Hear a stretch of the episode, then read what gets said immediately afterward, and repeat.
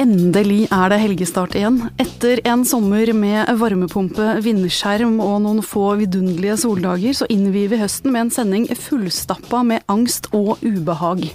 Låter ikke det fint? Um, Raymond Johansen, Ap-politiker og byrådslederkandidat i Oslo, uh, fortalte i portrettet i VG Helg på lørdag hvordan en akutt frykt for døden plutselig grep ham og fylte både kropp og hode etter en hjerteoperasjon. Uh, velkommen tilbake til helgestart. Tusen takk for det. Eh, Ole Giæver, du er Amanda-nominert for filmen eh, Mot naturen, som handler om en småbarnsfar som rett og slett mister grepet på sin hverdag, og prøver å løpe problemene av seg på fjellet. Det er fint å ha deg her. Takk for det. Hyggelig å være her. Og Susanne Abel, journalist og blogger, kjent for modig deling av eh, mange av livets mer utfordrende sider. Ja. Velkommen. Takk skal du ha. Raymond, um, altså det du fortalte i VG Helg, vi må ta en liten reprise på det. Det var blant annet hvordan det kjentes da du fikk angst første gang for fem år siden. Og du beskrev det med ganske sånn sterke ord, altså hvordan redselen grep fatt i hele deg, og, og du fryktet å sovne og ikke våkne igjen. Um, hvordan kjennes det nå å ha fått dette her ut i verden? Nei, Jeg skal innrømme at jeg grua meg litt. Er, uh, hjerteoperasjon hadde jeg da i januar 2010, så det er en stund siden.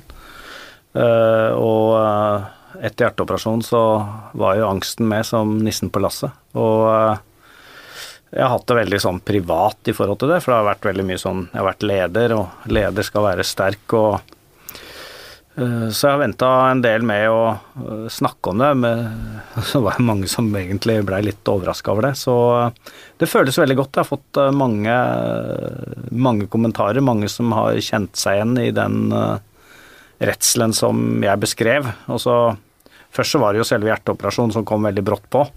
Veldig, veldig brått på. at jeg måtte sy inn en pacemaker. Uh, og jeg trodde bare at jeg var toppidrettsutøver og godt trent, for jeg hadde så lav puls. Uh, men så viste det seg at det ikke var helt tilfellet. Og så begynner jo det å komme bak i hodet at man ikke lenger er Altså, man er ikke udødelig. Mm. Og så uh, plutselig så grep angsten om seg. Jeg fikk på, et, på en, I løpet av en natt så fikk jeg noe som kan kalles panikkangst. Er dødsangst, og jeg trodde jeg skulle bli gal. Det er altså å gå på pusten, eller? Ja, altså det begynner jo egentlig med en slags hyperventilering, men så går alle tankene går i kluss. Ja. Og så Du greier ikke å tenke ett eneste tanke ut. Eh, det kommer 10 000 tanker samtidig. Eh, og da satt jeg på, på hotell, jeg var på et hotell på et møte, så satt jeg på BBC på veldig, veldig høyt. Og så på han, så snakket jeg rolig etter en There is a crisis in Irak. What is going to happen now? Og så for å få kontroll over mine egne tanker, jeg drev sikkert en times tid. Med det så sovna jeg, og etter det oppsøkte jeg litt hjelp og har jobbet med å bearbeide, eller jobbe med hvordan man øh, skal reagere når, når, angsten kommer, og hvordan du skal hilse på angsten din, og at den er en del av deg og sånn. Og det har jeg lært veldig mye av. Så jeg føler meg som en helere og sterkere person også etter den opplevelsen. Men altså, du var litt inne på det, det her med å være en utpreget ledertype, kjent som en sterk mann, med mange tunge politiske verv har du hatt. Eh, du trener mye, mye muskler liksom både i kroppen og hodet. Ble du litt skuffa over at det her faktisk kunne ramme deg også? Ja, det ble jeg helt sikkert. Uh, Uh, hvorfor uh, Det føltes først som sånn urettferdig. Altså, for dødsangst skal ikke jeg leve så lenge, er det noe. Når noen pirker borti hjertet ditt, så er alle forsikringer om at dette er eh, liksom nærmest rutine, blir uh, veldig smått for deg. For du ser jo at de som får dette her, er langt eldre enn deg og sånn. Så ja, man syns først det er litt sånn urettferdig og syns litt synd på seg sjøl og er veldig usikker og redd, og, men samtidig har en jobb, liksom. Så det blir et veldig sånn dobbeltliv oppi det hele. Mm. Det blei det. Dette dobbeltlivet, det kjenner jo du, Susanne Aabel. Ja, sånn, nå ble jeg sånn glad i deg når du fortalte det, Susanne. For det er så perfekt eh, beskrivelse av at man forventer ikke å oppleve noe sånt sjøl, og det at man tror at man blir gal, er helt sånn Hvis ikke du har trodd at du skal bli gal, så, så, så, kan du rett og slett ikke helt forstå hvordan det er. Og samtidig så er det et eller annet med at det, eh, det gode tegnet er at du tror at du blir gal, for en som er gal, har, har ikke den tanken i hodet. Okay. Så det er på en måte bare en mm. slags frykt. Og midt oppi frykten av det som kjennes ut som galskap, er et tankekjør. Et helt kaos beyond det du har klart å fatte før, da. Eh, og så er det veldig akutt, og så kommer det veldig brått, og så går det jo litt sånn fysisk på helsa løs også.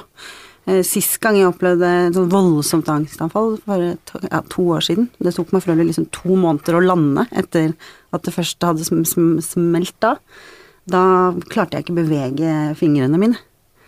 Da ble jeg helt De de frøys. Jeg klarte Jeg fikk liksom klør i stedet. Jeg klarte ikke rette ut hendene. Jeg klarte ikke ta på meg buksa. Jeg var på vei ut eh, døra mi for å ringe, banke på hos naboen og si du, dere må ringe ambulanse, for nå skal jeg dø. Eh, men jeg hadde bare hyperventilert på meg et eller annet, en eller annen fysisk reaksjon som gjorde at jeg ble helt sånn Leddene stivna. Samtidig som du er livredd. Og så lander, lander det jo etter hvert. Den der sinnssyke panikken varer jo bare enn så lenge. Men så er du litt sånn utslitt etterpå, og så helt sjokkskada over hvor redd du faktisk var, og det slipper liksom ikke helt taket med en gang, da. Men jeg også har jo vært veldig tøff. Jeg har liksom levd et helt liv eh, på, eh, på de premissene om at jeg har lyst til å bli oppfatta som veldig tøff. Eh, Fordi jeg er jo det. Samtidig som jeg er utrolig svak og veik og skjør og ødelagt. Så tøff på utsiden og veldig lite tøff på innsiden Ja, jeg vet ikke. Kanskje det har blitt sånn Nå har det kanskje liksom eh, sklidd litt ut i at jeg er begge deler på utsiden og på innsiden. Um, men som i veldig mange år sånn gjennom tenårene og sånn, så var jeg bare tøff. Og det funka ikke så bra i lengden. Du Ole, du er jo den av gjestene her i dag som ikke har stått frem med noen angstlidelse. Så da, da, da spør jeg deg. Da spør jeg deg som den angstfrie gjengen. Eh, Det at en mann står frem og deler av sine svake sider, eh, og liksom maler ut angsten med bred pensel, det er ikke så vanlig. Eh, Ble du overrasket da Raymond gjorde det? Nei, egentlig ikke. For når man lærer folk å kjenne, så Jeg vil egentlig ikke kalle det for noe sånn en svak side, jeg vil bare si at det er Vi alle har på en måte et mangfold i oss av både sånn, det vi opplever som, som eh, sterke og svake sider. Kanskje mer at vi skammer oss over at vi ikke mestrer ting vi sjøl forventer av oss sjøl. og det tror jeg alle kan eh, kjenne seg igjen i, og jeg tror at det gjelder for begge kjønn. Jeg er litt sånn opptatt av å kanskje ikke gå for mye inn i den kjønnsdebatten på det, fordi at eh, først og fremst er vi alle mennesker. Jeg tror vi kan identifisere oss eh, med hverandre helt uavhengig av eh, det, men jeg tror det er veldig viktig at sånn som Raymond Johansen eh, går frem og så, og så står frem med sin historie. For det gjør det lettere for oss andre å akseptere også det som vi sjøl kan skamme oss over eller eh, oppleve som svakheter i oss sjøl. Og det er også derfor vi trenger kulturen, litteratur, film, TV, for å finne et sted hvor vi kan kjenne identifikasjon og, og at vi er like hverandre. Jeg tenkte nemlig på Raymond på lørdag kveld, for da satt jeg på verandaen min på Torshov, og det var liksom strålende sol, det var vin i glasset, det var god mat, vi hadde satt på Cornelis, for det liker vi om sommeren, og innimellom da, sant, lang, sånn mange tirader om tilværelsens utholdelige letthet og liksom sommerstemning, så sier Cornelis, bakom et hørn står døden på lur, han tar meg når han vil. Og da kan jeg kjenne at jeg sånn, det er jo helt sant. Det er, eh, vi vet ikke når vi runder det hjørnet, noen av oss, og sånn er det jo faktisk. Og da kan sneie jeg noen sekunder innom en sånn dyp sånn avgrunn, og så kommer jeg ganske fort på andre siden og går videre. Men er den angsten som dere to har, er den en liksom videreføring av den bitte lille dråpen som jeg kjenner da, eller er dette et helt annet ballgame, det som dere holder på med? Jeg tenker at, eh, hvis jeg kan bare svare først, eh, at eh, din angst ble utløst av en reell dødsangst. Altså du ble utsatt for livsfare.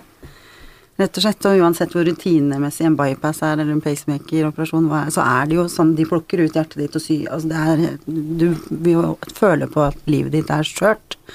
For meg eh, kom det helt ut av det blå.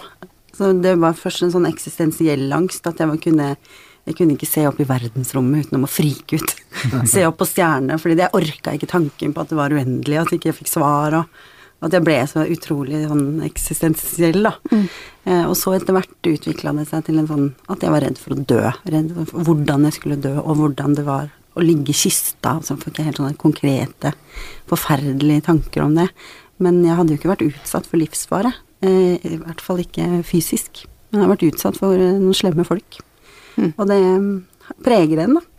Og det er klart, det, er liksom et eller annet med å innrømme det også, så blir folk veldig nysgjerrig. Og så vil vi spørre videre på det. Det har jeg ikke så veldig lyst til å si noe mer om, men sånn opp igjennom livet så har det vært noen mennesker som har behandla meg på en måte som man ikke skulle ha gjort, og som har liksom satt en støkk i meg som gjør at den angsten Det er en sånn måte å håndtere traume på, rett og slett. Så man skal liksom ikke tro Det er vanlig å få angst, det er veldig mange som får det, men det er ikke sånn man skal ha det. Ulempen er bare det at når du først har fått det, så blir du Du blir ikke kvitt det.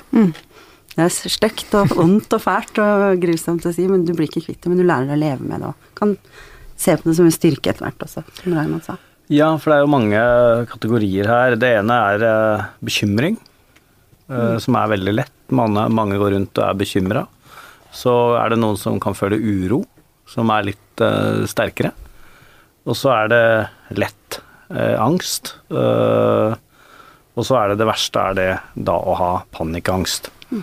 Og så er det liksom det å og det, også det å lære å kjenne det er jo en gave har jeg tenkt. Mm. Det at jeg lærer at kroppen min også kan lære å skille det som er en bekymring for unga mine, eller mm. uh, uro for noe, en forventning av noe, til liksom når angsten kommer, og hvordan jeg da skal uh, forholde meg til den, at jeg nå plutselig har fått, eller etter hvert har jobba med å få måter å jobbe med det på, da. Mm. Uh, så sånn sett så er jeg mye mer forberedt på ting enn jeg var før. Så jeg, liksom, jeg velger å se på det også som en gave. Uh, at jeg har fått et enda større register uh, til å uh, greie å bearbeide ting sjøl. Mm. Uh, jeg har fått hjelp, jeg har lest og ene med det andre, men så til slutt så går det på den psyken du er i, i, stand til å Eller den du har utviklet. Og jeg tror Det lå jo først den, den dødsangsten som jo prøvde å beskrive oss i VG når noen har pirka borti hjertet ditt, så er jo det alvorlig. Det er jo et organ som bokstavelig talt hjertet eh, som banker og slår for deg. Så eh, Og hvordan det eh, Hvordan jeg jobba med, med den og det. Kan korte trekk si det at veldig mange blir så redd. For det, det jeg tror det, det vi er enige om, er det å Det er veldig vanskelig for andre som ikke har opplevd angst, å egentlig vite helt hva det er. Mm. Og det er jævlig ubehagelig. Etter hvert så blir du redd for angsten, for den er så ubehagelig. Redselen for redselen? Redselen for redselen. Redselen for at angsten skal komme. Det er veldig meta, men det er det som, det er det som er greia. Og der, derfor prøver jeg å si deg i intervjuet at det er jo den beste medisinen for veldig mange i forhold til det, er å drikke. Alkohol er da i utgangspunktet en sånn vidundermedisin for veldig kort. Ja, men det, jo, men hvis du ikke slutter å drikke, så er det jo Jo, nei, nettopp. Men akkurat det er det som er feil. Det er veldig mange som har gått på det, som når vi vokste opp så kalte vi det angstfordriver, eller uh, et eller annet annet. Det var, han, han, han, han har litt angst, du sa ikke det, han Eh, han var litt nervøs, sa du når du Det var sånn når du vokste opp. Naboen han er litt nervøs, han tar en angstfordriver. Ja, litt han, han, han har nerver. Ja, ja, sånn var det. Han har nerver. Da klirrer det glass med en gang. ja, da er det sånn. Det var mann. Ja, åssen er Han er ålreit, men har litt nerver, så han drikker litt, da, veit du. Og det var sånn før måten å, å takle dette på, og så fins det etter hvert uh, mye bedre måter. Altså, hvis jeg har et skrubbsår på kne, så kan alle se det. Og da setter jeg på og tar eh, og plaster, så er det i orden. Mm. Men det angst er egentlig at du har et sår inni deg som det også er helt fullt mulig å gjøre noe med. Mm. Ja, men, og det ja. har jeg lært. Uh, jeg har prøvd eh, drikking og andre verre ting enn det, og medisiner. ja, for medisiner. Du har gått litt drastisk til verks, du? Jeg har gått hardt til verks, altså, fordi det varte og varte så lenge. Så jeg så min snitt til å ta litt ta, få meg pause.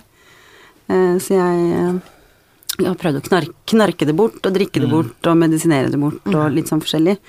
Men eh, når alt kommer til alt, så er det all, de, de, tingene må vekk for at det skal vekk. Helt riktig. Ja. Så det, det, er bare, det er så midlertidig, og det gjør det bare verre. Det fins ingen kjappe løsninger. Ja, det, det er så skam, er, du skammer deg litt òg, for du skjønner at dette her, dette her, virker ikke. Men jeg trengte de tolv timene med pause, og så trengte jeg å sove godt i natt. Mm. Og så har man skakkjørt seg selv egentlig ganske hardt. Det er det som skjer. Negative spiralen. Så, men, så det er liksom så enkelt som litt sånn sunn mat, frisk luft, eh, litt høy puls innimellom, sove godt om natta eh, ta vare på seg sjøl på den liksom gode, gamle, kjedelige måten, den, den, hjelper rett og slett mot angst. Jeg er ikke så veldig flink til det ennå. Det sklir, det sklir ut mellom slaga, men det er liksom det beste rådet jeg har. Har du spurt etter den før? Hvem da? Angsten. Spurt etter den? Ja. Er det et verktøy du har lært av deg, ja. eller? Ja. Det er veldig nyttig. Også fordi at uh, veldig mye av tida, fordi at når du er redd angsten, så bruker du mye tid på å prøve å gjemme den bort. Men da dukker den opp, og de kan dukke opp på de merkeligste tidspunkter og si at 'her er jeg'. Og da er det mye bedre når du er sterk til å ønske den velkommen. 'Hei, hei, åssen står det til?' Og det går an å, å finne måter å gjøre på. For mm. meg så har den ligget veldig mye i magen, og da har jeg etter hvert Og nå er det veldig lenge siden jeg liksom har hatt behov for å uh, spørre etter den. Uh, men det fins jo da, og du lærer måter å gjøre det på også, uh, så han ikke ligger der og plutselig kommer uventa på besøk, det er jo bedre å ønske en velkommen når uh, du selv er klar for å få besøk. Men altså, om du står på en talerstol da, og holder en flammende valgkamptale, der nå ja. du liksom skal vinne Oslo, ja. og så kjenner du at det liksom rører på seg på den liksom feil måten i magen, eh, tar du da liksom en mental pause og sier hei, hei, angst, før du Nei, går videre? Nei da, og nå har jeg veldig sånn uh, Dette er jo den bearbeiding det Nå svarer jeg jo med den erfaringen jeg har gjennom fem år. og jeg har ikke eh, noe behov for å hilse på noe særlig nå. Han har liksom vært snill, men det kan med en sjelden gang uh, dukke opp. Og da uh, eh, fins det måter å gjøre det på mm. som er veldig, veldig greie. Mm. Tenk på når dere snakker om uh, dere som aksepterer angsten som en del av det så kommer jeg på en sånn favorittscene fra min eh, favoritt-TV-serie. Favorittscene i eh, Six Feet Under. Mm. For der er det han ene broren, da, Michael, som Nei, det er skuespilleren, det er David, heter han. Uh -huh. Han, han uh, blir utsatt for et overgrep. Og så prøver han liksom å dytte det bort, da, på en måte, som om det ikke har skjedd. Mm. Uh, og, og, liksom fordi at alle andre rundt han, han, liksom, han vil ikke plage de andre rundt han med det. Mm. Og så er nesten hele denne sesongen eh, handler om det for hans del. da.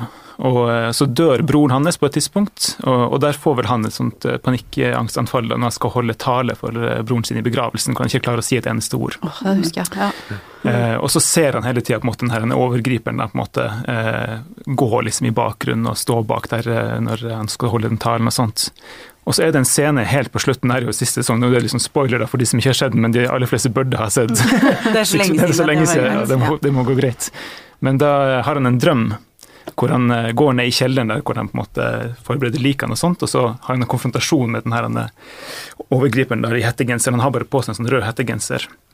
Og så har de en sånn kamp, og så kan han endelig liksom ta han, og så tar han av han hetta, og så er det han sjøl ja. som, som, er i den hettegenseren. Ah. Og så omfavner han seg sjøl. Og det var sånn utrolig sterkt. Jeg skjønte ja. ikke der og da hvorfor jeg ble så grepet av det. Men det tror jeg handler om det å akseptere at det har blitt en del av det. Du er et nytt menneske nå, og det må du akseptere og, og, og ta inn. da. Mm, det og, og, det tror jeg alle kan kjenne seg igjen, at vi opplever ting i livet. Uansett om man opplever det med å få angst eller hva man gjør, så, så kommer vi til noen punkter i livet der hvor vi kjenner at vi prøver å undertrykke at dette har skjedd, eller at vi har blitt den personen, eller at mm. dette er en del av meg. Eh, men det å omfavne det er jo på en måte å vinne det tilbake mm. igjen og si at jeg er et rikere menneske. Jeg er mm. dette nå. Mm. Eh, jeg har jo researcha litt, eh, litt, angst i forkant her. Også at det er jo noen som mener at altså, da, Nå er det jo nesten 50% av den norske befolkningen da, som opplever angst eller depresjon i løpet av livet. og Eh, og så er det da noen som mener at det er de smarteste av og til som får det, de mest intelligente. Fordi at man har liksom anlegg for å tenke og gruble litt, da. Det er vi enige om. Fordi at alle store, ja, ja, ja. For det er den beste trøsten med det. Det er sånn alle store tenkere, alle store kunstnere, de har hatt angst. 'Ignorance is bliss', synger Ramones. En av verdens beste punklåter. Så hvis du ikke har noe dybde, hvis du er veldig enkelt og ikke så komplisert, så, så vil ikke den angsten bli så fremtredende. Så det trøster jeg meg litt med. Eh, men Raymond, da dette budsjettet sto på trykk på lørdag, så kom det jo umiddelbart noen kommentarer på sosiale medier. Og noe som eh, noen sa var ah, typisk valgkamputspill. Altså nå er det en måned da, til det avgjøres om du blir byrådsleder i Oslo eller ikke, og nå begynner du på hele mennesket. Nå skal du vise liksom hele erfaringsbakgrunnen din. Har du sittet og kokt i hop at dette var bra strategisk å gjøre akkurat nå? Nei, altså for det første var det VG som spurte, og jeg har sagt nei en rekke ganger med å gjøre det. Uh, og så er det jo uh, en stor uh, del av det å vise hele meg også, min erfaringsbakgrunn, og det var greit å vite. Og man vet jo ikke hvordan man blir på en måte portrettert, så, eller hva som kommer fram. Og det har tatt, vært en modningsprosess hos meg, og for å være ærlig har jeg ikke så veldig tro på at det har noe sånn å si fra eller til i forhold til et valg, men i hvert fall et helt menneske er tegna, og dette er en del av meg. Eh, og eh, det er ikke bare hva Når man har en politisk posisjon, så er det ikke bare hva man sier og mener, det er også hvordan man tenker, hvordan man er som person, og hvilken erfaring man har som også er eh, relevant. Så det oppfattes jo ikke som irrelevant i forhold til hvem man er. Og så står jeg inne for det, men det jeg faktisk var opptatt av, som jeg har opplevd de siste dagene, er at en del menn eh, har uh, ulike har kommet til meg og satt veldig pris på det. Mm. Og sagt at jeg har satt ord på uh, noe de har følt, og følt seg litt mindre skamfulle. og det er verdt det. Mm. Bare de kommentarene er eh, verdt det å snakke om det. Mm. Eh, Susanne og Ole, ikke som kommunikasjonseksperter, men som, som velgere, for det er dere jo. Eh, tror dere, at, eh, tror dere, at, han fremstår i et enda bedre lys, eller et mer sånn menneskelig lys, nå som han har vist oss litt av det som er bak politikermasken? Ja, helt klart. Men jeg stemmer ikke Arbeiderpartiet for det. og, det og det er liksom litt viktig. Jeg tror rett og slett ikke altså norske bevisste velgere er sånn veldig, veldig opptatt av privatlivet til politikerne. Jeg tror de tenker mer sak enn enn det vi mistenker. Men det er klart eh, det er, det er, Jeg mener at det er veldig, veldig sympatisk. Veldig, veldig mandig, barskt og tøft. Og, og tørre å si det eh, som du har gjort. Eh, når jeg ble sjuk når jeg var sånn 18 år, så tenkte jeg sånn Er ikke dette her sånn 40 år gamle kjerringer får, da? Angst. Jeg skjønte ikke hva legen mente. Angst? Det, jeg hører selv, sånn, Vi skulle ikke snakke kjønn, men det er jo litt sånn kvinnesykdom, det òg, da, på en måte, utenom at jeg skal si at du har kvinnesykdommer. For det er det jo ikke. Men jeg syns det er eh, ja, jeg synes det er veldig sympatisk eh, trekk. Så det er klart, eh, du kom, du kom godt ut av det. Sympatisk, mandig og tøft, selv fra en ikke-velger. Det er ikke dårlig. Det er ikke dårlig. Mm. Ole, vi skal videre. Eh, din film, 'Mot naturen', den er nominert til Amandapris både i klassen beste norske kinofilm og beste norske filmmanus. Eh, og prisene deles, nå, deles ut nå på lørdag. Eh, hvor mange sommerfugler har du i, i, magen nå? Snakker vi angst, eller er det mer litt sånn lett bobling? Nei, altså når det kommer til liksom angstdelen av det, så er det egentlig mer enn stressa for at jeg skal dele ut en pris, enn at jeg sjøl eventuelt skal motta noe. Men jeg tror også der så prøver man liksom å man bare liksom dytte det bort. Mm. Fordi at man vil, ikke, man vil ikke begynne å forvente seg noe. Og, og, uh, så jeg prøver liksom å ikke gjøre det så liksom stort. Liksom. Det verste som kan skje da? At du mister munnen og mæler. Ja, men jeg har vært nominert én gang før for en film som så personlig nominert da, for en film som heter 'Sommerhuset', hvor jeg også var nominert for beste manus. Og det var en sånn liten novellefilm, og jeg tenkte at det kommer jo aldri til å til å vinne noen pris. Uh, så jeg var helt sånn rolig. Helt inntil de skulle liksom åpne den konvolutten. Og da plutselig så bare liksom Da ville du ikke vinne. da, da bare ble jeg stressa og hjertet begynte å pumpe. Er verre å takke for prisen enn å ikke vinne. Nei, nei, egentlig ganske, ganske rolig. Det er hyggelig å bli nominert, og så ja, du har jo fått voldsomt mye skryt for denne filmen, eh, og for de som ikke har sett den, så kan jeg fortelle at det handler om Martin, som er spilt av deg selv, og du har jo selv regien. Eh, han har en samboer, han har en liten sønn, et hus, en jobb i det hele tatt. Ting er på stell. Eh, kanskje litt for mye på stell, for plutselig så begynner han å tenke mye på det som mangler. Og så får han ikke helt sagt det på noen måte, men han løper ut i naturen ut i fjellet. Til tider også med rumpa bar, eh, for å prøve å løpe hverdagsangsten av seg der oppe. Eh, det har blitt tolket veldig maskulint, dette er den maskuline midtlivskrisen. Eh, det, hva syns du om den tolkningen? Nei, den var veldig forberedt på at kom. Jeg skjønte jo med en gang. Jeg vurderte faktisk ganske lenge å ha en kvinne i hovedrollen. Uh, og det var først når jeg bestemte meg for å spille sjøl at det selvfølgelig var nødt til å bli en mann. Uh, og da skjønte jeg med en gang også at da ville det der komme, den vil bli putta inn i den båsen på en måte, ja. med at dette handler om eh, en mann i midtlivskrise. Og, og særlig etter liksom Knausgård-prosjektet, liksom Min kamp, så, så, blir veldig mye av det som handler om menn i den alderen, da, med småbarn og den tilværelsen der, blir liksom putta inn i den båsen. Og det, det er for så vidt greit, de som ønsker å gjøre det, må få lov til å gjøre det, og det, det kan være en interessant kontekst, det, men jeg syns det er mer interessant å se på hva som er universelt i det, og hva som eh, går på tvers av kjønn og, og religion og politikk og sånt, for den del. Um, så det har ikke vært mitt, mitt ønske eller mitt formål å si noe om en mann i midtlivskrise, jeg vil si noe om et menneske i en eksistensiell krise. Mm. Eh, mange har også trukket frem hvor usigelig pinlig det er til tider. fordi at det som Martin gjør når han løper rundt oppi i fjellet her, det har indre monologer. Altså det er ting han kunne tenke seg å si til samboeren sin, eh, ting han kunne tenke seg å si til kolleger, SMS-er han kunne tenke seg å sende, og alt er liksom så hårreisende, rødmende, forferdelig. Dette er, og en tagline for filmen er jo også eh, hva er det med de tankene, hvilke tanker tør du aldri å dele med noen? Eh, er det noe der? De tankene du ikke tør å dele med noen, er det de som på en måte kan bygge seg litt opp og bli en sånn sjelelig svulst som ender opp i f.eks. ukontrollert behov for løping, da, eller? ja, jeg tror det er liksom tror det både òg. At det både er altså Jeg tror det er noen tanker at dem skal vi ha for oss sjøl. At eh, det må være lov å ha et sånt indre liv som vi, som vi velger å ikke dele med noen. Det tror jeg er ganske viktig. Og jeg tror det er viktig at vi blir kjent med, med den delen av oss når vi er unge. Eh, nå skal ikke jeg være noe sånn der han blir liksom eldre og, og eh, redd for fremtida og sånt, men, eh, men, jeg tror det er viktig at også ungdommer som vokser opp, Jeg husker jo at vi, eh, vår generasjon, vi satt jo på barnerommet og hørte på musikk, og, og det kunne liksom gjøre en hel kveld. Mm. Eh, og da blir vi jo kjent med et slags indre rom, og, og kan også kjenne på det som et sånn trygt rom. Mm. Som jeg tror det er bra å kunne gå tilbake til når du blir voksen i livet og kjenne at jeg har, har dette rommet som bare er mitt. Eh, for jeg tror også fort det kan bli et rom du kan frykte. At du blir redd for det som åpner seg idet du begynner på en måte å vende blikket innover, og det blir for mye tomhet eller stillhet. Men så tror jeg jo eh, Samtidig så er det jo det som er problemet til Martin i, i filmen, er jo at han ikke er ærlig med sine omgivelser på hvem han er. Eh, og han har ikke vært i, i alle de på en måte veiskillene han har vært i i livet, det å få barn, han har flytta til et nytt sted. Der har ikke han deltatt i den prosessen med sin omverden. Så plutselig befinner han seg på et sted, han har flytta til et nytt sted, han har fått seg en jobb, han har to barn. Mm. Og så vet han ikke helt liksom, om han har fått med seg sjøl inn i det og vært ærlig på hvem han er og hva han vil med det. Eh, og Det er sånne type veiskiller jeg tror vi får flere ganger i livet. At vi kommer til et mm. punkt hvor vi har tatt en serie med valg, og plutselig så er livet vårt og de omstendighetene vi lever i, annerledes. Og du må finne deg sjøl på, mm. på, nytt. da.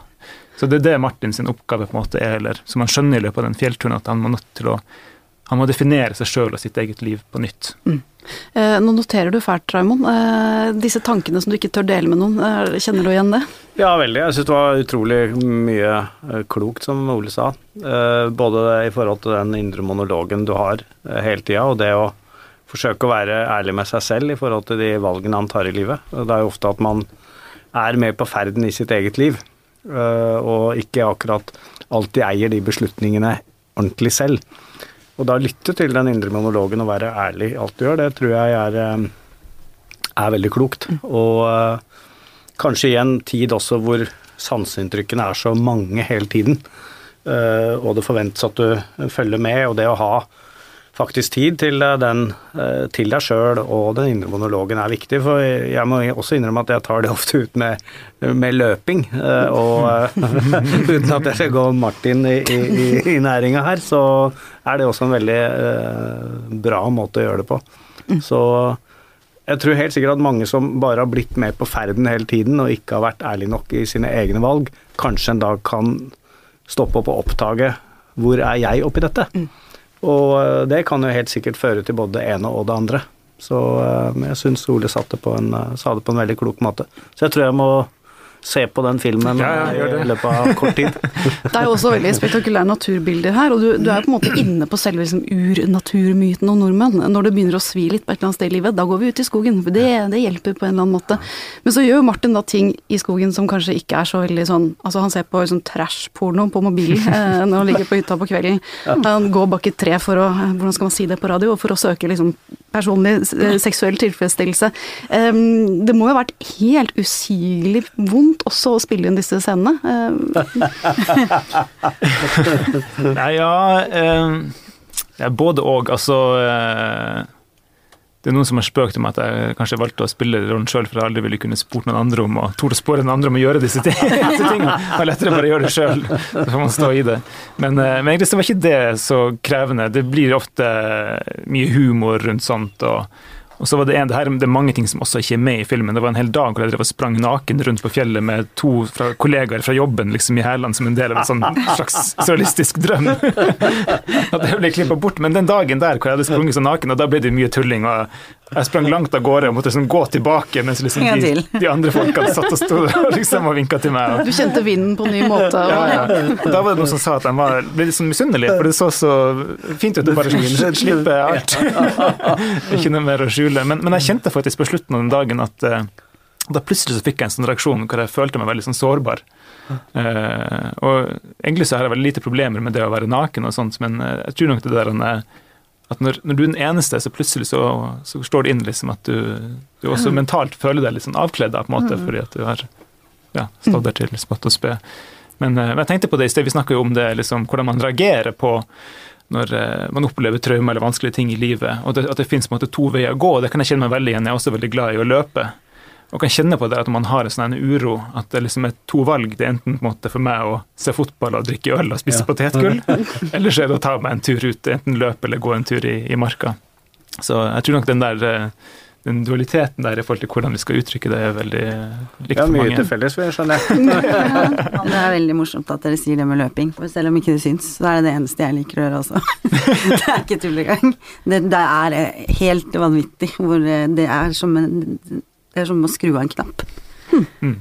Det, det jeg, har ikke, jeg har ikke fått sånn løpekropp. Jeg er litt for stor pupper til å løpe så mye som det jeg egentlig vil. Jeg finner ikke den rette Det kan på sånn. ingen måte være negativt. Men eh, det spinning, sykkel her, eh, og løping, helt eh, ellevill eh, Altså, det, det, tar, det tar bort litt av det vonde, rett og slett.